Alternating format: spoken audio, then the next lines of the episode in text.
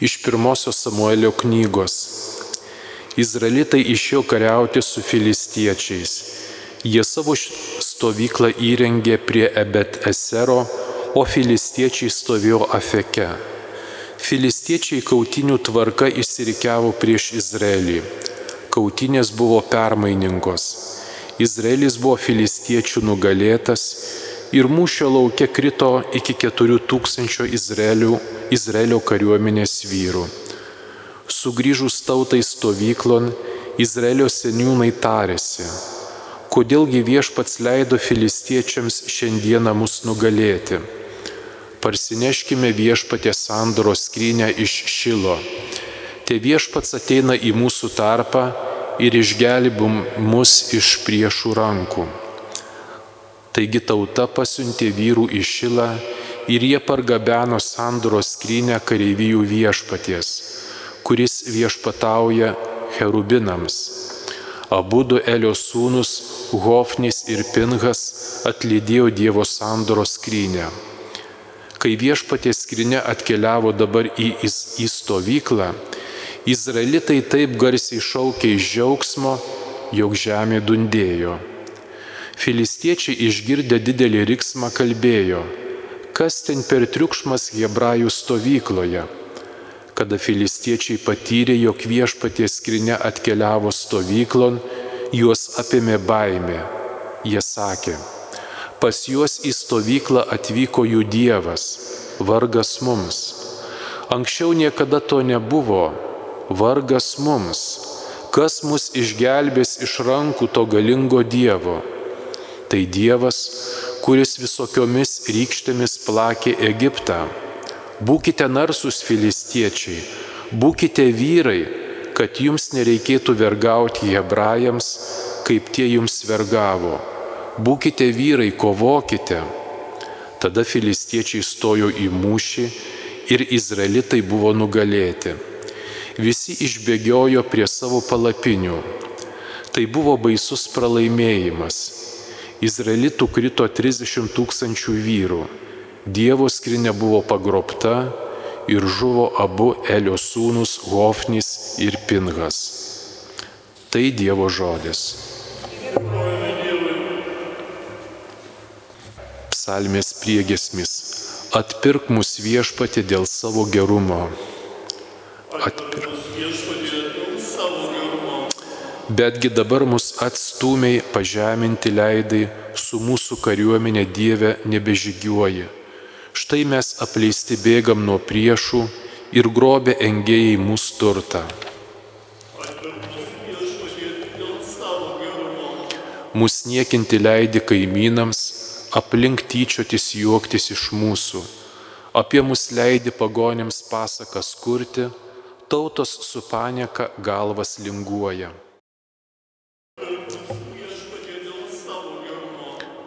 Kodėl įmėgi viešpate kelkis, pabuski, neleisk amžinai mus paniekintiems būti. Kodėl vis slepi savo veidą, kodėl užmiršai mūsų priespaudą, skurdą.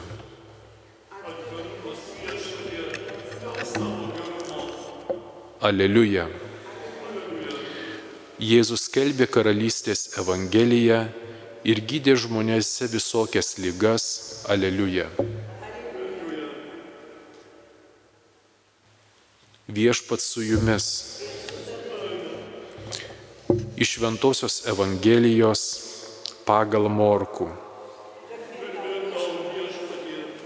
Pas Jėzų atėjo raupsuotasis ir atsiklaupęs maldavo, jeigu nori, gali mane padaryti švarų. Jėzus pasigailėjęs jo palėtė, ištiesi ranką, palėtė jį ir tarė, noriu būk švarus to jau ir patrauksai pranyko ir jis tapo švarus. Jėzus liepė jam to jau pasišalinti ir smarkiai prigrasino. Žiūrėk, kad niekam nieko nesakytum. Eik pasirodį kunigui ir už pasveikimą paukok Mozės įsakytą atnašą jiems paliudyti. O šis bekeliaujant pradėjo taip plačiai skelbti ir skleisti įvykį, jog Jėzus nebegalėjo viešai pasirodyti mieste. Jis laikėsi už miesto negyvenamose vietose, bet žmonės iš visur rinkosi pas jį. Girdėjote viešpatie žodį. Mėly žmonės, broliai seserys Kristuje, šios dienos pirmajame skaitinyje, pirmasis skaitinys iš Seno testamento pranašo Samuelio knygos mums pasakoja liūdną, skausmingą išrinktosios tautos Seno testamento istorijos fragmentą. Mes, ko gero, esame ypatingai šio laiko baisaus laiko kontekste, karų kontekste, kada pasaulis faktiškai tapo dideliu tokiu globaliniu kaimu, tokia abstrakčia prasme jis sumažėjo ir informacinė prasme.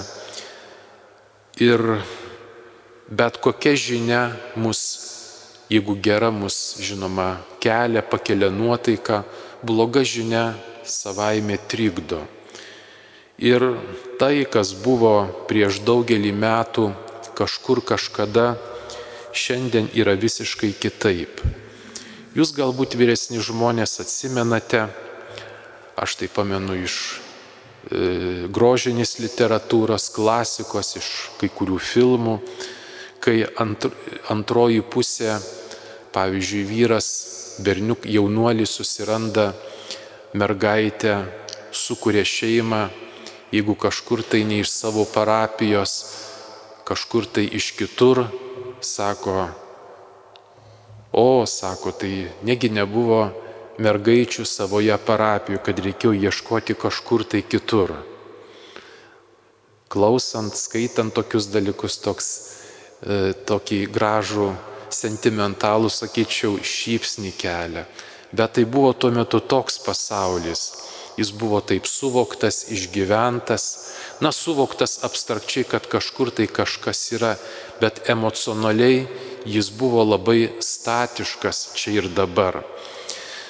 Dabar ta kita parapija, tai gali būti už keliasdešimt ar kita valstybė, vis pasaulis visiškai pasikeitė. Ir čia mes, kai skaitome žinę, girdime žinę, mes norėtume girdėti geras žinias. Blogos žinios mus prislegia, mus liūdina.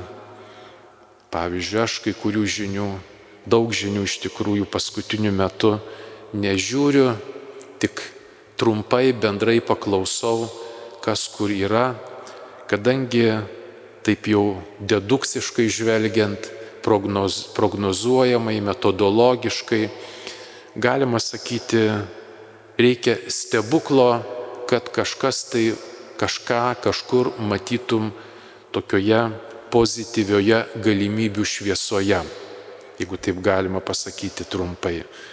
Taigi reikia saugoti savo vidinį pasaulį, emocinį pasaulį, nes miegas šventas dalykas, pamiegojęs, išsilsėjęs žmogus, gali duo, būdamas pats laimingas, gali nešti laimę kitiems.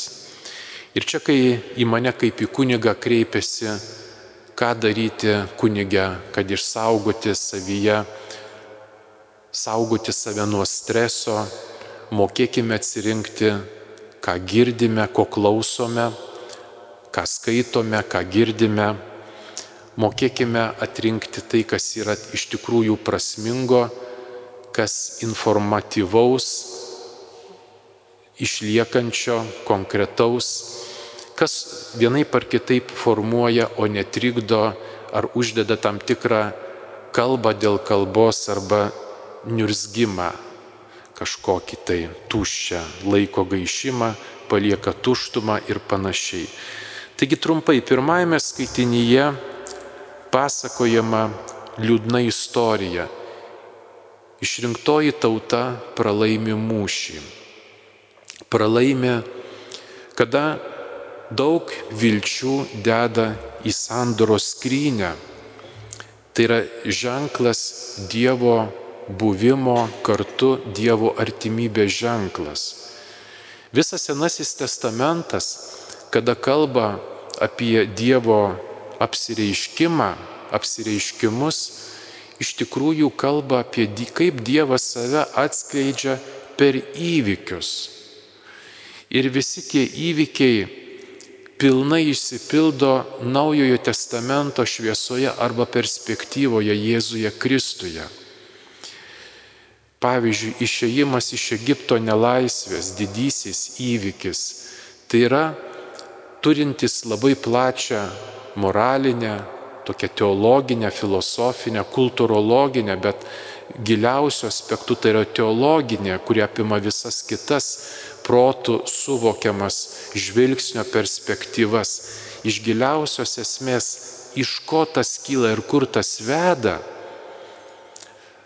Taigi, ir kur tas veda, tai yra Dievas išveda, suteikia egzistencinę būties laisvę tikrovę iš į pažado žemę, kraštą, galiausiai mums Jėzus Kristus atskleidžia, kas tas yra didysis pažadas.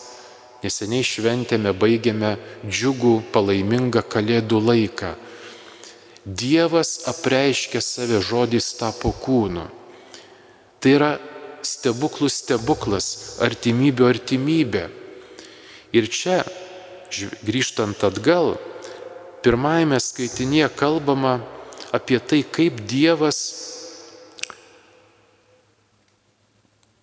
lydėjo mums nesuprantamų žmonėms būdu, bet jis lydėjo tautą net tada, kai ji pralaimėjo.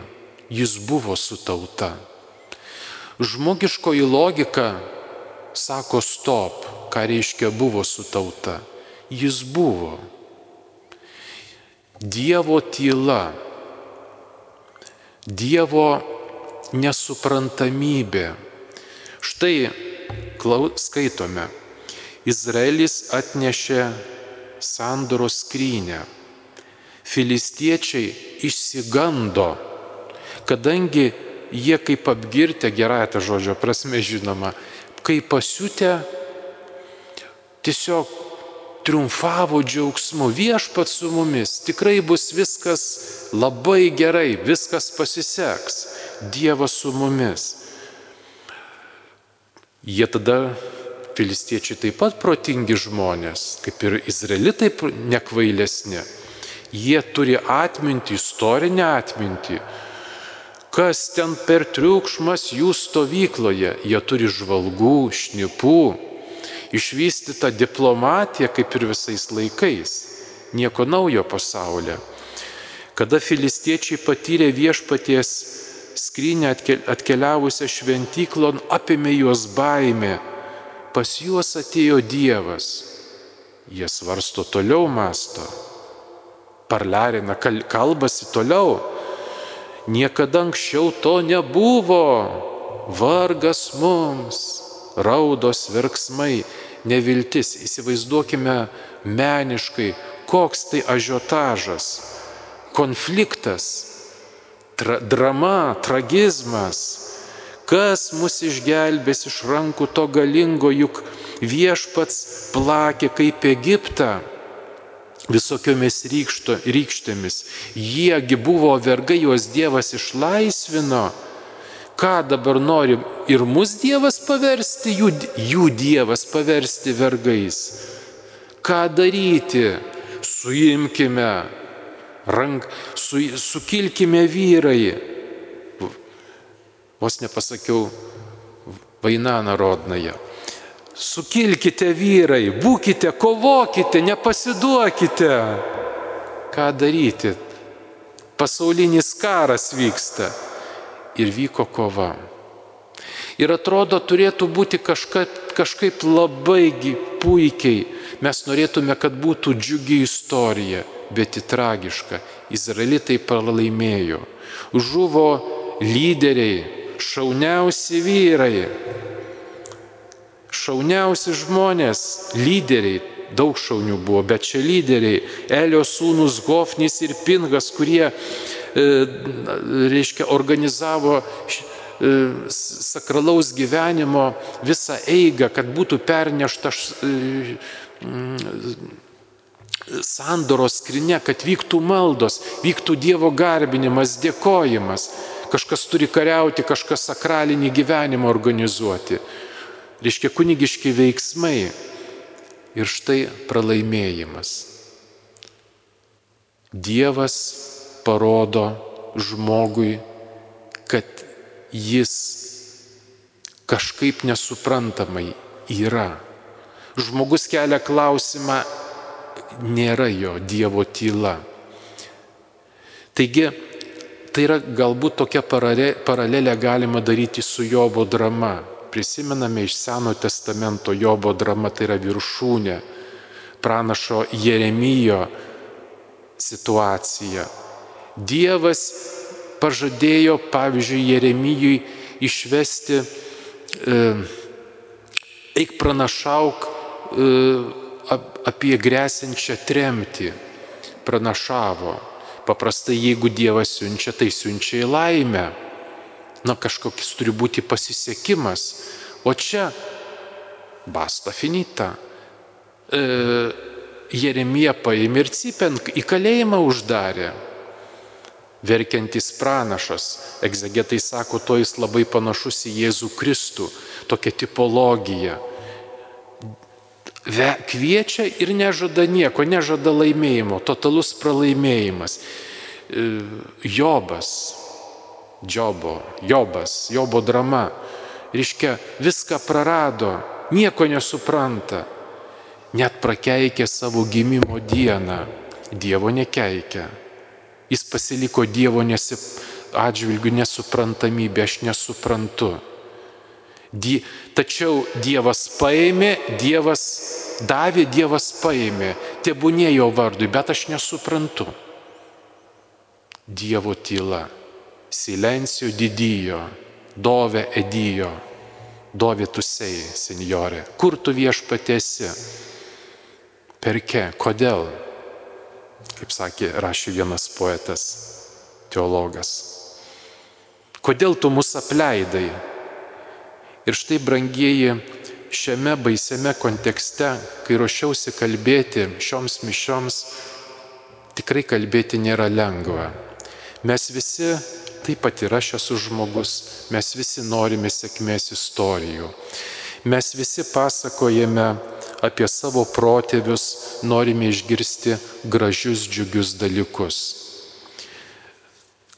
Buvo mada, galbūt dar dabar yra šiek tiek komiškai prisimenu, kai žmonės e, ieško e, mėlyno kraujo šaknų, žinome ar ne, kokie buvo tavo protėviai. Štai komiškai prisimenu pasakojimą amžinatelsi e, vieno istoriko, kur tikrai turėjo žmogus mėlyno kraujo, profesorius Gudavičius Edvardas sako, aš to nesureikšminu, man svarbiausia žmogus. Ir vienas bajoras klausė, gingdė aš ne prieš mėlyną kraują, ne, ne, bet čia toks nekritiškas žvilgsnis.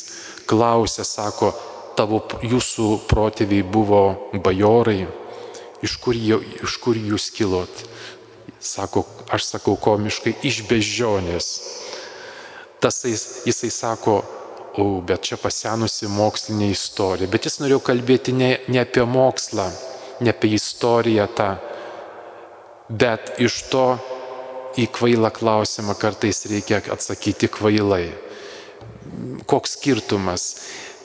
Tu pats tai yra svarbu, bet svarbu tiek, kiek tu pats sugebi kurti gražią, prasmingą, kilnę gyvenimo istoriją. Čia yra tame vertė.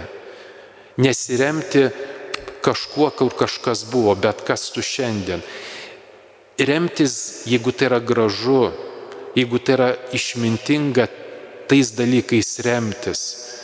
Tačiau turi būti kūrybinis, egzistencinis testinumas, ne būti ant bangos ir panašiai. Taigi mes norime gražių istorijų. Šiandien skaitome Izraeli, izraeliečiai pralaimė. Ar Dievas yra? Dievas yra daugiau negu sėkmės istorija. Ir šiandien, kai skaitome Evangelijoje, Jėzus padarė stebuklą, bet jis nesirodė. Jis nenorėjo rodyti efektų. Dievas valdo ne per efektus. Dievas nori žmonių širdžių, žmonių to dvasinio gyvenimo giluminio ryšio su laikinybė ir amžinybė. Kas aš esu? Kas mes esame? Ant ko kūrėme savo gyvenimą? Čia eina kalba ir istorija, ir metafizika, ir filosofija gyvenimo, ir visa egzistencija. Kuo tu esi savo būtiškume? Ir ant ko tu statai savo gyvenimą? Psichologiškai pasamoniniai dalykai, mes daug dalykų perimame iš, kitų kartų, iš kultūros, yra vienokia ar kitokia. Tačiau kaip sako Paulius, geras žmogus iš savo lobino ima gerą, blogas blogą. Šventosios dvasios vaisiai - ramybė, džiaugsmas šventojoje dvasioje. Pagal vaisius ats, at, vaisiai atspindi gyvenimo kokybę, dvasinio gyvenimo grožį. Ir čia filistiečiams Dievas parodo per šią istoriją, kad iš tikrųjų šventikla, tai yra sandoros skrinė turi būti santykė su Dievu, giluminėme santykė su Dievu. E, ne išorybė, bet giluminėme. Koks mano ryšys su viešpačiu? Tas žmogiškosios būties, kaip čia lietuviškai pasakyti, tas e, san, sandara, struktūra. E, kuo aš remiuosi? kas sudaro būties pradą - ryšys su amžinybė, su žmogumi, su žmonėmis, su kartomis, su ateitimi, su išliekamąją vertę žmogus pašauktas būti kuriejų atspindinčių Dievą. Mes civilizacijoje kūrėme daugybę dalykų, gauname tarsi kaip duotybę, bet nepagalvojame labai dažnai, ant kokio ar kilnaus prado, ar nekilnaus tai pastatyta. Ai tai buvo. Bet aš dažnai, mes dažnai kitą kartą kartojame, kuriame savo laimę pastatytą ant kito kančios, ant kito nelaimės. Mes nebūtinai turime kiekvienas būti istorikas, tačiau bendras žvilgsnis gerumo, jautrumas gėriui, grožiai, grožiui testinumui, ką aš turiu, ką aš gaunu, ką aš kuriu. Ne kaip vartotojas, bet kaip, kaip apaštlas Paulius apie savo tarnystę sako, tai mes, kiekvienas žmogus perfrazuojant, Dievo dovanų tvarkytojai, kaip kuriejai atspindytis Dievą, būdami, kaip tėvas Rupšys kunigas prelatas sakė vertėjas, kūrinėjėliai, Štai tas aspektas dalykas, būdami kūrinėjėliai. Ir Dievas, kaip ir teisėjam Jobui ir per tremtį pranašui Jeremijui ir šiandien izraelitams ir šiandien į mus prabyla, kad tikroji istorija kiek, kiek mūsų laikas įrašytas, mūsų gyvenimas, mūsų būtis įrašyta į amžinybę, kiek remiasi amžinybė. Ir išorinė sėkmė - turtai, sveikata, kultūros, civilizacijos pasiekimai, jeigu jie netarnauja amžinosioms vertybėms, tai yra pelenai, tai yra tuštybių tuštybė.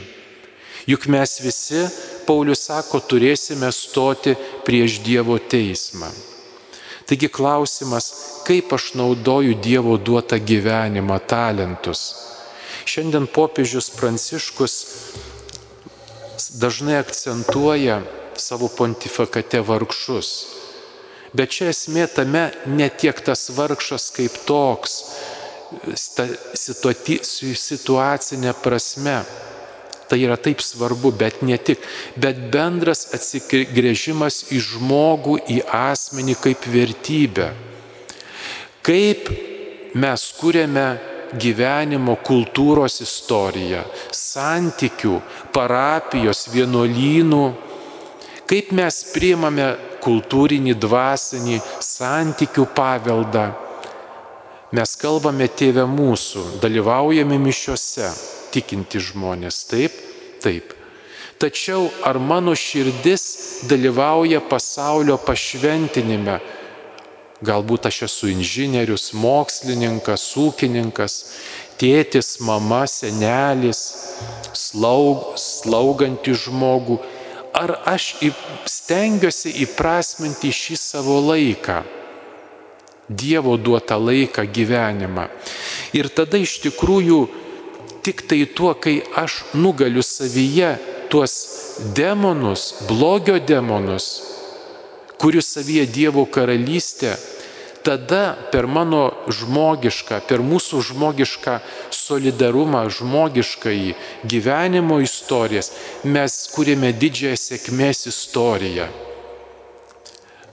O retorinis klausimas, ar mes buvome dvasingesni, kai mes gyvenome okupacijoje, ar mes esame dvasingesni, mylime labiau, kai mūsų iščiustyti keliai, parašyti projektai, nutiesti invalidams privažiuoti neįgaliesiems žmonėms takeliai, bet ieškome žmogaus tarp žmogaus parafrazuojant antikos išminčių. Ieškau žmogaus tarp žmogaus. Mes viską turime, bet mes ar kaip mes to disponuojame, kiek mumise vartotojiškumo.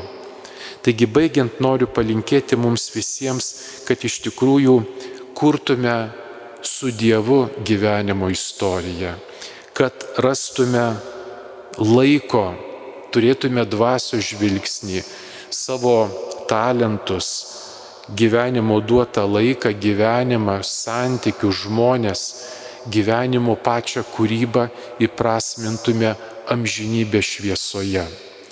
Tada mūsų tos mažosios gyvenimo pergalės įprasminta diena, mokymasis mylėti, atleisti, dovanoti, tarnauti gims, gimdys didžiasias santykių ir visas kitas istorijas. Tai, į ką mes kūrėme, kur mes einame į kasdienybę. Kad išorybė tokia, kokia yra, turėtų dvasinio vidinio turinio. Kad mumise būtų gyva, parafrazuojant mintį Senojo testamento, e, gyva sandoros skrinė, Jėzaus žinia gyva šiandien ir kad tą Jėzaus žinią neštume į savo globalųjį, tą didįjį kaimą, mieste kaime gyvename, informacinį kaimą su ir kurtume išliekamąją vertę. Amen.